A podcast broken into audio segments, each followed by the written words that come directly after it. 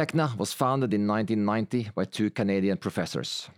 The company manufactured turnkey plasma systems and produced micro and nano powder. Just as ink is used to print on paper, Tekna's powder is used for 3D printing, an industry in strong growth.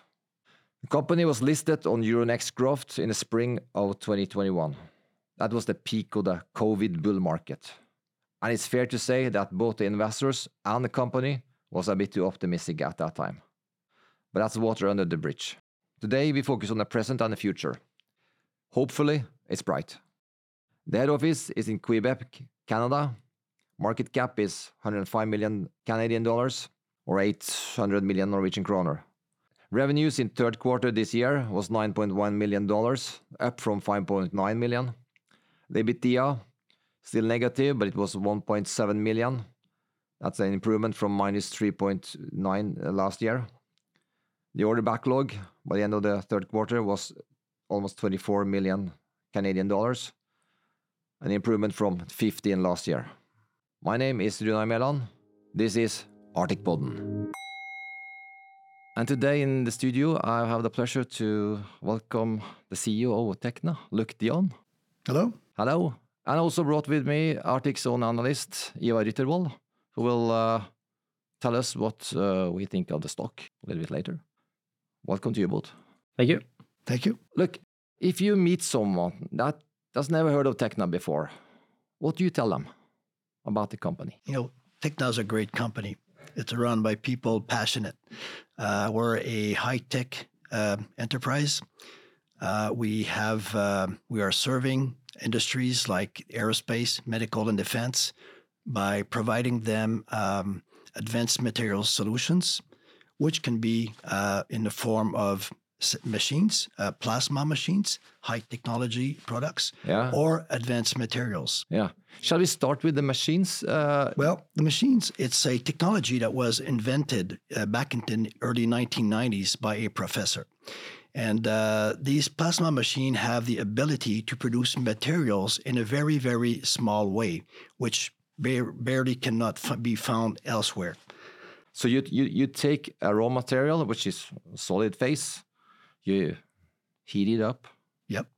And then it's turned into so high temperature that it's turned into a gas.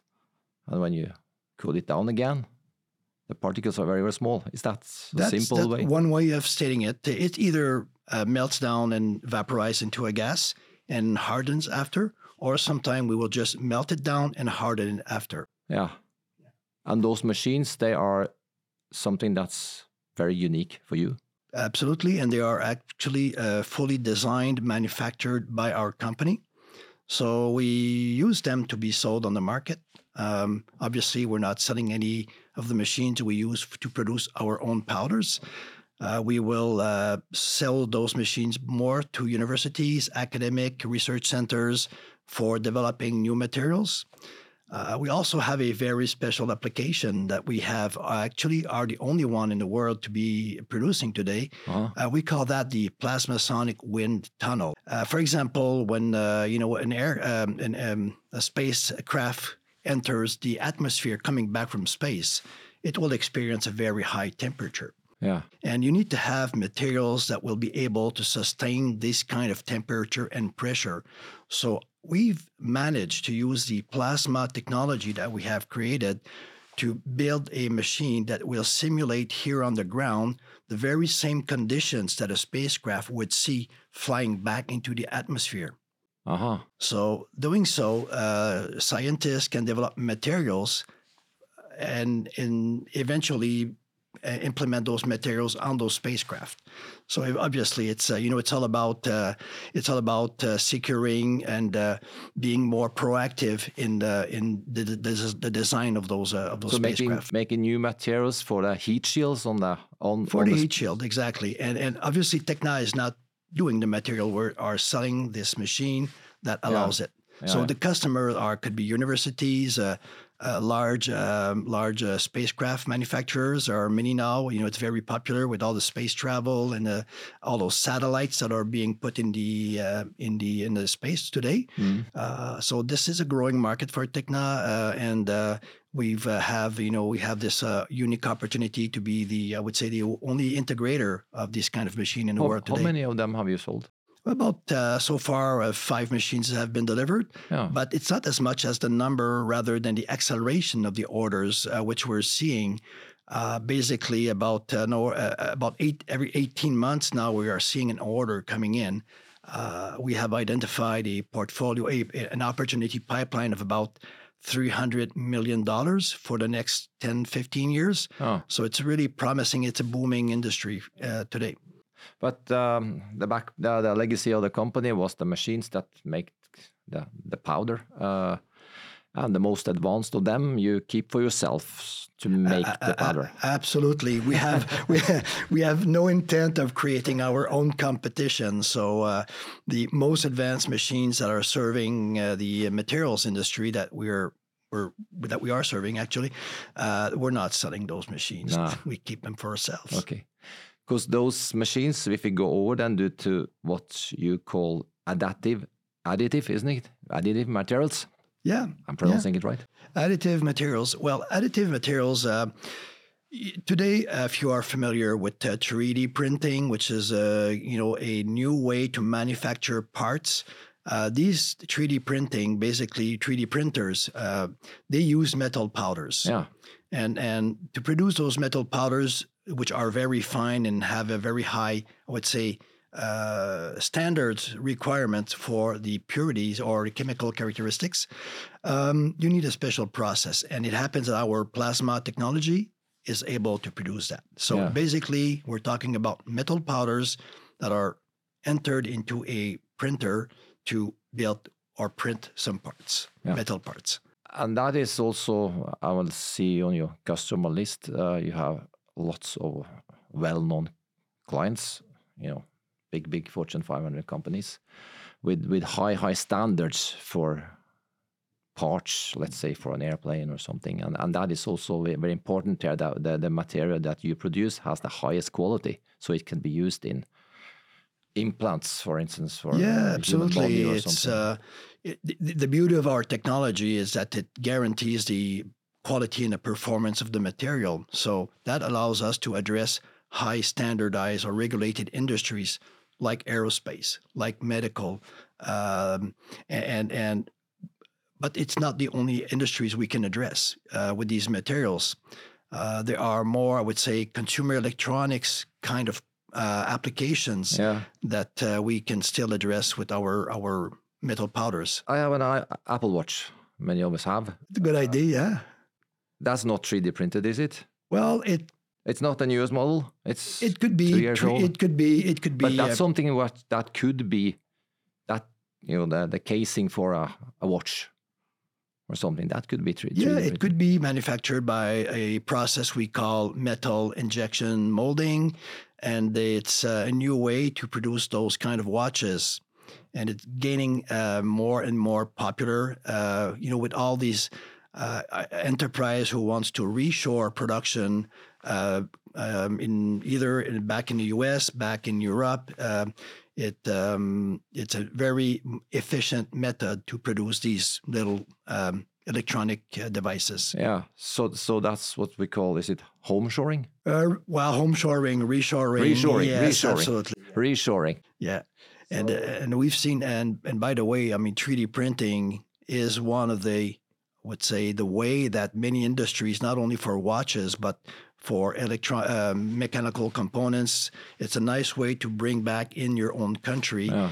uh, the manufacturing of critical parts or, or even replacement parts. And that is made possible because the cost of the printing, its printing machines and uh, the printers has fallen sharply, haven't they? Or yeah, they how much, become how much um, have they fallen, fallen? Much more accessible. Uh, you you can buy a printer for less than a million dollar today. Uh, but uh, what is more important, I think, or as important, is the uh, the volume, you know, the number of parts you can build in one print with a single machine. These machines have become more and more industrialized and be, are more and more uh, applicable in an industrial environment. And that's what makes it interesting for aerospace player or, as we said earlier, for uh, medical implants. Yeah. So who makes uh, these printers and who's who's the buyers of the, actually your powder? Uh, well, uh, well. First, your first question: Who builds those printers? There's a few uh, re very renowned company in the market. Uh, uh, SLM Solutions, who were acquired acquired recently by Nikon. Yeah. Uh, Velo 3D in the U.S. AddUp in France. Um, so these EOS also in Germany, which probably is the leader today in the industry.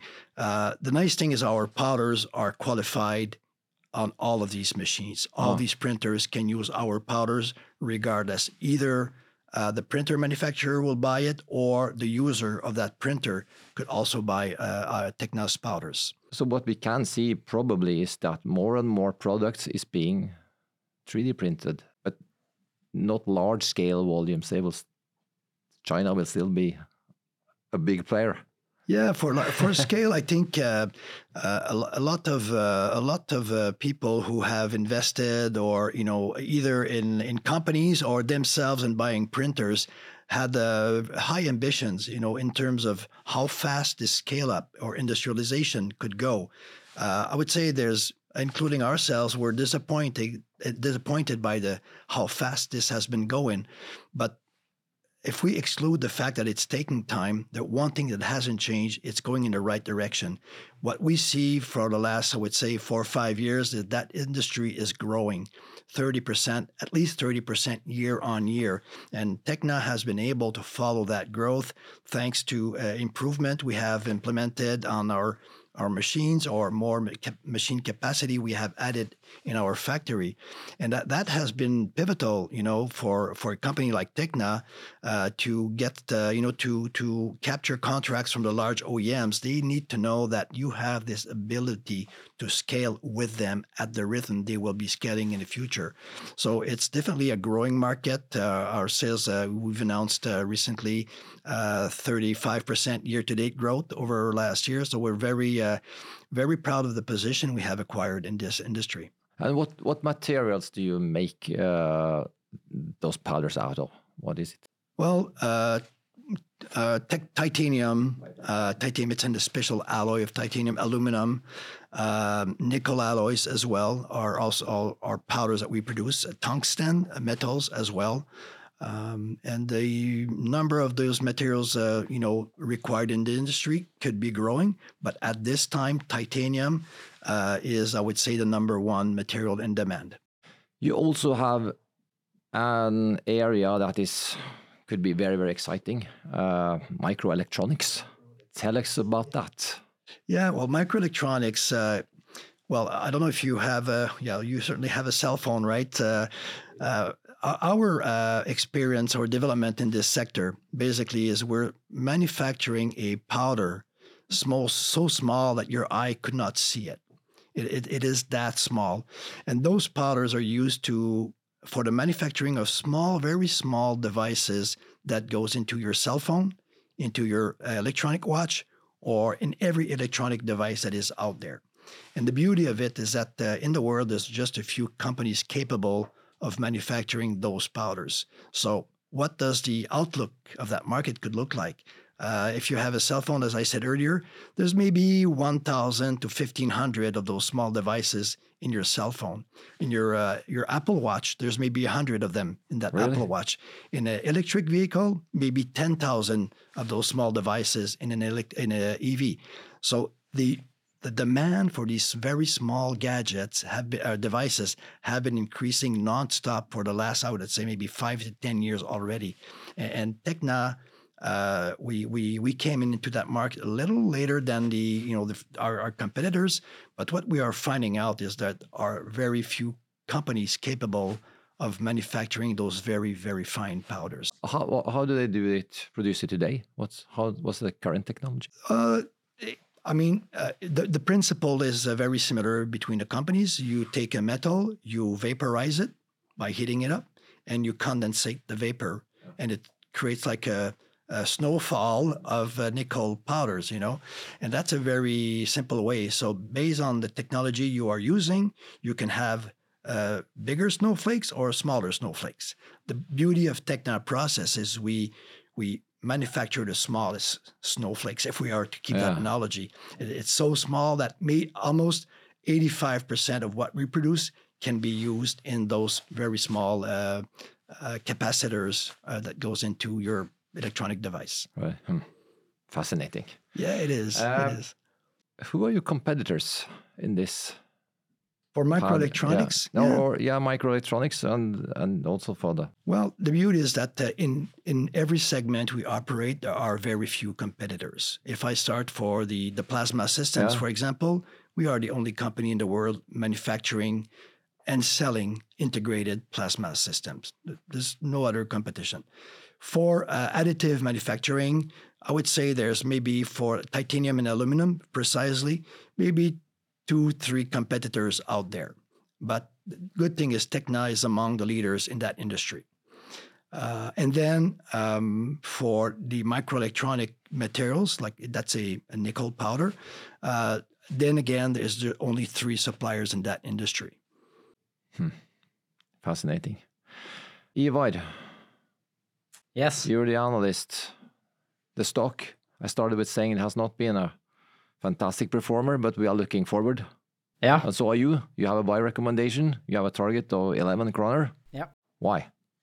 Yeah, so what we like about Tekna is that, uh, as Luc said, uh, it's one of few producers um, which can deliver powder at the required size and quality. Uh, so that should be supportive both for the market share but also margins. And we also like that the business model is kind of sticky. So uh, there's a long qualification process, and that locks customer in and provides um, high degree of uh, of recurring revenues. So um, if you look at the backlog, uh, it's up 60% uh, since last year. So that should be supportive also for revenue growth into 2024. Yeah. What do you expect revenues to be this year, just to make you know, some people know? We um, estimate roughly 40 million uh, Canadian yeah. dollars, And for next year? The, uh, 60 million. Right. So we estimate uh, significant growth. yeah, as as we see uh, for for this year. yeah. And they, they've So- not been EBITDA positive yet, but it's closer. Yeah, um, it has um, improved margins significantly compared to, to last year. So with the continued revenue growth, we believe that um, yeah margins will improve further, and that um, yeah uh, EBITDA margin will be positive maybe for uh, already next year. So yeah, if you if you look at the current market cap of uh, of one billion,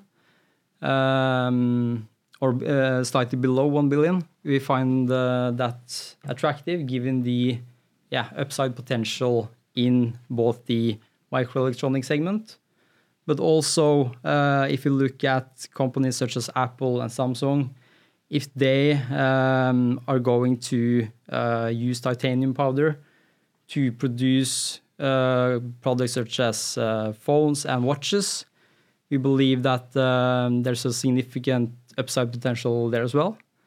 So, um, so we find the current share price as an attractive option, although um, timing of a potential breakthrough, for example, within the microelectronic segment, is uh, is uncertain.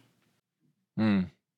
Yeah, thinking that uh, for uh, for the producers, it I mean it must be less waste material by using 3D printing. There's a lot of uh, of advantages in if you could scale up this uh, this uh, whole Yeah, industrial process. Yeah, absolutely. It's you know at the beginning it uh, was one of the key selling points. Uh, uh, when you 3D print a part, you can use as uh, as low as as less as ninety percent of the material required Right. for a normal part. You know, if you would like machine it, you don't have any chip turnings or scrap that you have to throw to the waste. Uh, that was one of the big uh, big rationale for you know for 3D printing. But there's another one. It's it- that it allows you to manufacture parts that you cannot manufacture otherwise. Yeah. So, or uh, alternatively, uh, manufactured uh, a part with a single in a single piece uh, that otherwise would maybe take multiple pieces assembled together. So it really simplifies the supply chain of, of many players that uh, you know that have a complex, like for an aircraft uh, manufacturer, they have complex system, complex unit, actuators. How do you simplify that supply chain? Well, 3D printing is one way of achieving that. I think I read somewhere that the engine on the SpaceX rocket was 3D printed. Is, yeah, absolutely. Is that uh, many many components? Uh, some say the real number is not known out there, but uh, maybe some. It could be a seventy-five percent of the components that are 3D printed. It's a huge. Uh, it's a huge change in the way, and it explains why they they manage to get those rockets up there so often. You know. Yeah, and of course the quality of the material must be the absolute best. So it's uh, there's no room for failure. No, Luc, thank you so much for a very interesting uh, conversation. Best of luck. Thank you to you, Ivar, also. We will continue to follow this stock. Uh, thank, thank you, you, so much. Yeah, and uh, well, thank you for having me. you will be and, back uh, here in about a year or something. Yeah, we will talk about We're... the growth that maybe Ivar is too pessimistic. Yes. we don't know. Yeah, thank you, Runar. Thanks for inviting me.